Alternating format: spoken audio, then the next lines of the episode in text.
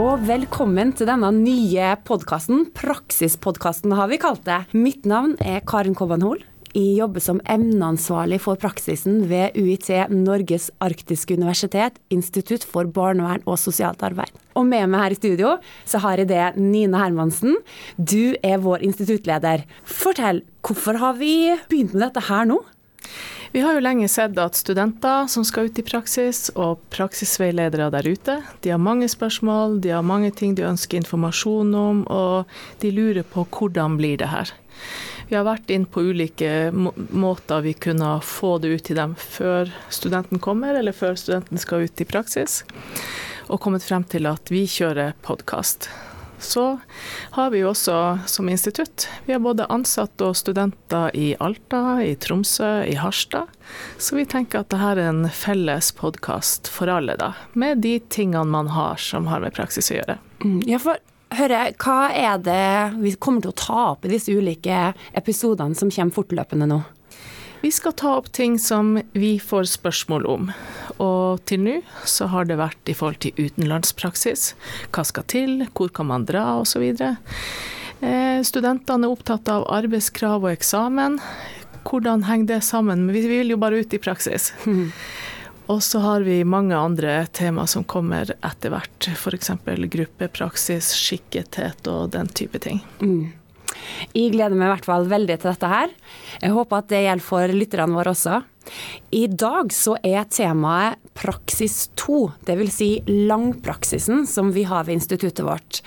Og da har vi fått med oss her i studio Trude Rød, du er praksisveileder og jobber ved Finnmarkskollektivet. Så har vi også fått med oss tredjeårsstudent Arja Hovden.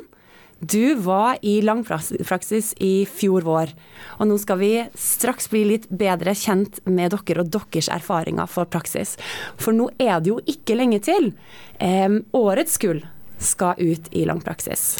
For årets kull som skal ut i praksis snart, så er de veldig spent og ønsker å vite mer om det. Og praksisveilederne er spent. Eh, hvordan foregår det her? Og da tenker jeg at det er jo ikke noe bedre enn å få førstehåndskunnskap fra den som har erfart det, og den som har vært praksisveileder.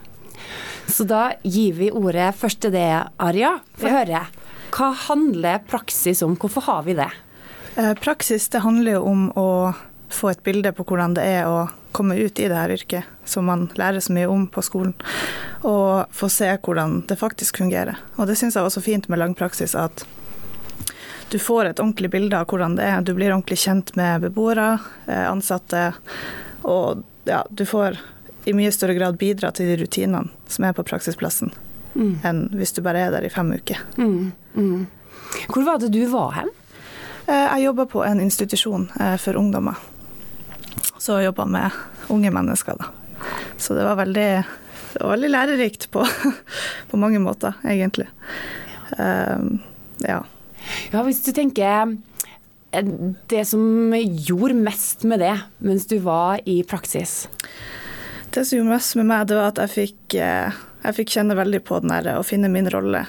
Um, og det å, å få kjenne på det at du er til hjelp, du er, du er en person som, som, noen vil henvende seg til, og det er en veldig god følelse. Man får litt sånn sjøltillit av det. Herlig. Og så har vi jo også med oss eh, Trude. Du har mye erfaring som praksisveileder. Hva er veiledning? Ja, veiledning eh, for oss, eller vi som har studenter hos oss, da. Jeg kommer jo fra Finnmarkskollektivet, og, og, som er en eh, institusjon i spesialisthelsetjenesten. Ehm, med unge mennesker med rusproblemer og psykiske problemer. Eh, når vi får studenter hos oss, så, så er det viktig at studentene får eh, praksisen eh, og, og ta del i den jobben som vi gjør hos oss. Og så er det jo de veiledningsrundene som vi har med studentene. Eh, hvor studentene eh, lærer mye om eh, seg selv, ikke minst den prosessen som, som de er i i langpraksis. Og det er jo veldig, veldig morsomt å være med på å se den utviklinga som studentene har underveis. Ja, når du sier utvikling, hvordan er det man kan eh, ja, utvikle seg mens man er i praksis? Eh, min erfaring er jo at eh, når man starter i praksis, så, så, er man litt som Bambi på isen. Man, man ønsker å, å gjøre alt det man har lært på skolen, og følge litt de teoretiske delene som man har hatt og så kommer du ut i praksis, og så stemmer på en måte ikke akademia helt med, med virkeligheten. Eh, og eh, vi har iallfall veldig fokus på den private, personlige og profesjonelle eh, vektinga i forhold til studentene som vi har hos oss. Eh, og det er den utviklinga som vi ser. Den personlige utviklinga som studentene får, Eh, er kanskje den viktigste som, som studentene eh, tar med seg i, i eh, videre skolegang. Da. Mm, mm, Hvordan jobber du i veiledning da, når du er praksisveileder? Så tenker jeg at hvis jeg var ny praksisveileder og ønska å lære av deg som har så lang erfaring, hva tenker du er viktig for å ta tak i den personlige utviklinga gjennom veiledning? Man starter ofte med at studenten forteller om seg selv Eh, og, og, hvorfor det yrket. Hvorfor valgte du, hvorfor valgte du også å gå på sosionom eller barnevern? Eh, og, og, eh, og, fortelle om deg selv. Eh, fordi at historien eh, har jo ofte noe å si på hvorfor vi velger kanskje retningene våre. Mm. Så det er der vi starter. Ja. Mm. Så hvem man er som person, har utrolig mye å si for hva slags profesjonell yrkesutøver man er og blir. Uten tvil. Mm. Og så er det jo sånn at studenter bruker ganske mange timer på skolebenken, som vi sier, og bruker mange timer på å lese pensum og sette seg inn i teorier og fagstoff. Har det noe verdi, Arja? Ja, altså det er jo klart det har verdi. Det har jo det. fordi at når man kommer i praksis, eh, så kjenner man jo mye igjen. Man klarer kanskje å og tenke seg til flere grunner til ting, hvorfor ting skjer, fordi at man har den teorien i bakgrunnen. Men så handler det jo til syvende og sist om, om å bare være, egentlig. Så at man er et menneske, at man Man trenger ikke å henge seg så opp i at det skulle jeg sagt, det skulle jeg gjort. Det er liksom det at du er bare der. Og det er liksom det som er det viktigste. Mm. Ja, Det høres ut som det egentlig krever en del mot til å, å våge å være den man er, og våge å vet ikke, kanskje gjøre seg sårbar i de situasjonene ja. man kommer i? Ja, det er viktig å vise at man er jo bare et menneske, man sjøl òg. Det er helt lov å gjøre feil. Mm. Og det er kanskje det å bare være ærlig på det at oi, det skulle ikke jeg ha sagt, og det beklager jeg. At man er ærlig hvis man føler at, man har tråkka over streken. For det er helt greit å gjøre det. Det er helt ufarlig. Så det du sier, det er at det er helt greit å reflektere over det man har gjort? Ja, det er helt greit å reflektere over det, og det er også noe man kan gjøre sammen med praksisveileder etterpå. At um, man forteller hva det og det skjedde, og hva tenker du om det? Og så kan man snakke sammen om det. Og det gjelder jo også hvis det er en ting som man føler er ubehagelig, eller så kan man så har man noen i ryggen, og det er veldig godt.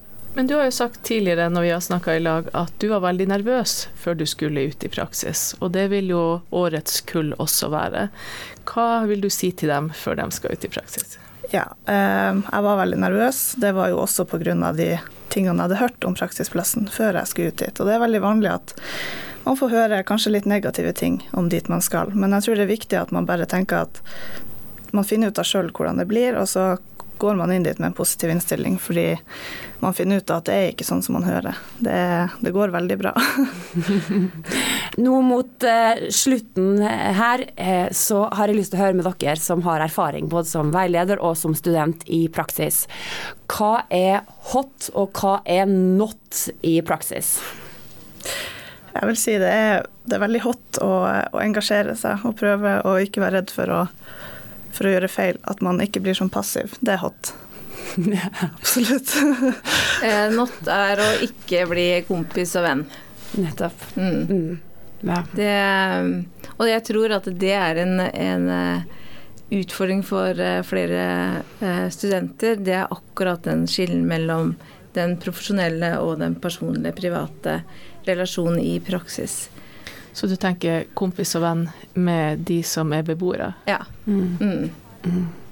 Hvis du skal trekke fram noen elementer som kan være med og kanskje gjøre det her litt utfordrende, da, hva vil du tenke da? Eh, alder er jo en, en, ting som er utfordrende.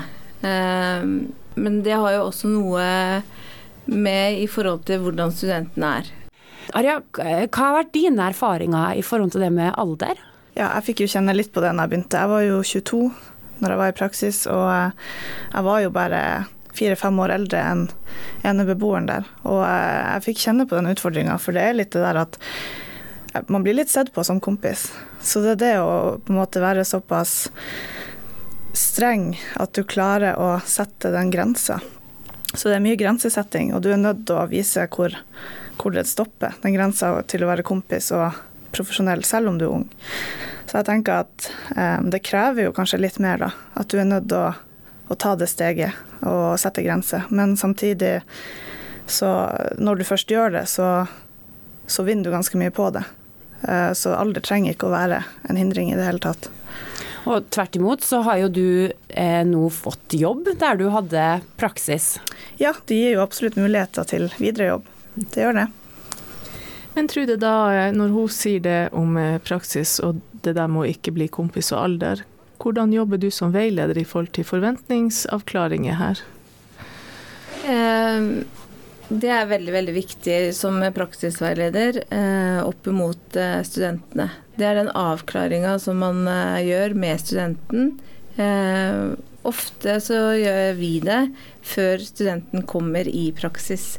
Så vi har et møte med studentene eh, før de kommer til oss, og så har vi en avklaring på hva er det de forventer av oss som veiledere, og hva forventer vi av, av studentene. Arja, hva er ditt tips da, som student til nye veiledere? Hva tenker du er viktig i den sammenheng? Jeg tenker at det er kjempeviktig at man tar rollen sin på alvor. At når du har sagt ja til å være veileder, så går du inn for det. Eh, for det er en veldig stor trygghet når du har en veileder som engasjerer seg og bryr seg. Eh, så det er veldig viktig å egentlig bare sette av tid til det og ta det på alvor, egentlig. Og også det med forventninger, at man får klare forventninger i starten, for det er mye lettere å forholde seg til. Ja, da til det, Trude. Hva er dine tips til disse studentene som snart skal ut i praksis? Tipset mitt er at uh, vær dere selv, uh, og at det er en, uh, vær ærlig overfor veilederen deres. uansett hvilken type utfordringer dere står i. og ikke prøv å, å late som å være noen andre. Helt kort, det nevnte det å være tilgjengelig og, og være klar over rollen sin. Hvor, hvor, tidskrevende er det egentlig å være praksisveileder? Ja, Det er litt sånn eh, hvor, hvor alvorlig tar du rollen din? Um, det, er, det, er, krevende å være praksisveileder, og jeg tenker at det skal det være. Eh, fordi at man tar imot studenter som du skal veilede og ivareta i praksis. Selv om det er tidskrevende, så er det jo utrolig lærerikt for praksisveilederne. Eh, så vi må sette oss inn i faget på, på nytt. Ny, altså ny litteratur kommer. Eh, vi får nye studenter som lærer oss masse. Så for alle kommende praksisveiledere som nå sitter og lurer på 'what's in it for me', så sier jeg bare kjør på. Tusen takk for at dere var med oss eh, her i dag.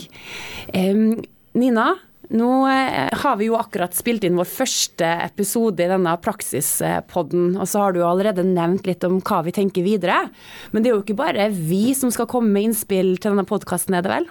Nei, så vi ønsker veldig gjerne at eh, studenter, praksisveiledere der ute som har noe tema som de tenker er viktig å få diskutert med oss, sender det inn øyeblikkelig, og vi tar gjerne imot flere gjester også. Men neste gang, da er det jeg som skal få lov til å intervjue Karen. Fordi at eh, mange studenter lurer på når de skal ut i praksis, så er det flere arbeidskrav, det er en eksamen du må bestå. Og hvordan henger det sammen med å være der ute? Altså Man har jo bare lyst til å være der ute og lære, så da Karen skal du få fortelle oss hvorfor er det så viktig med arbeidskrav og eksamen da? Yes, så Det håper jeg at dere lyttere gleder dere til. På gjensyn, vi høres snart.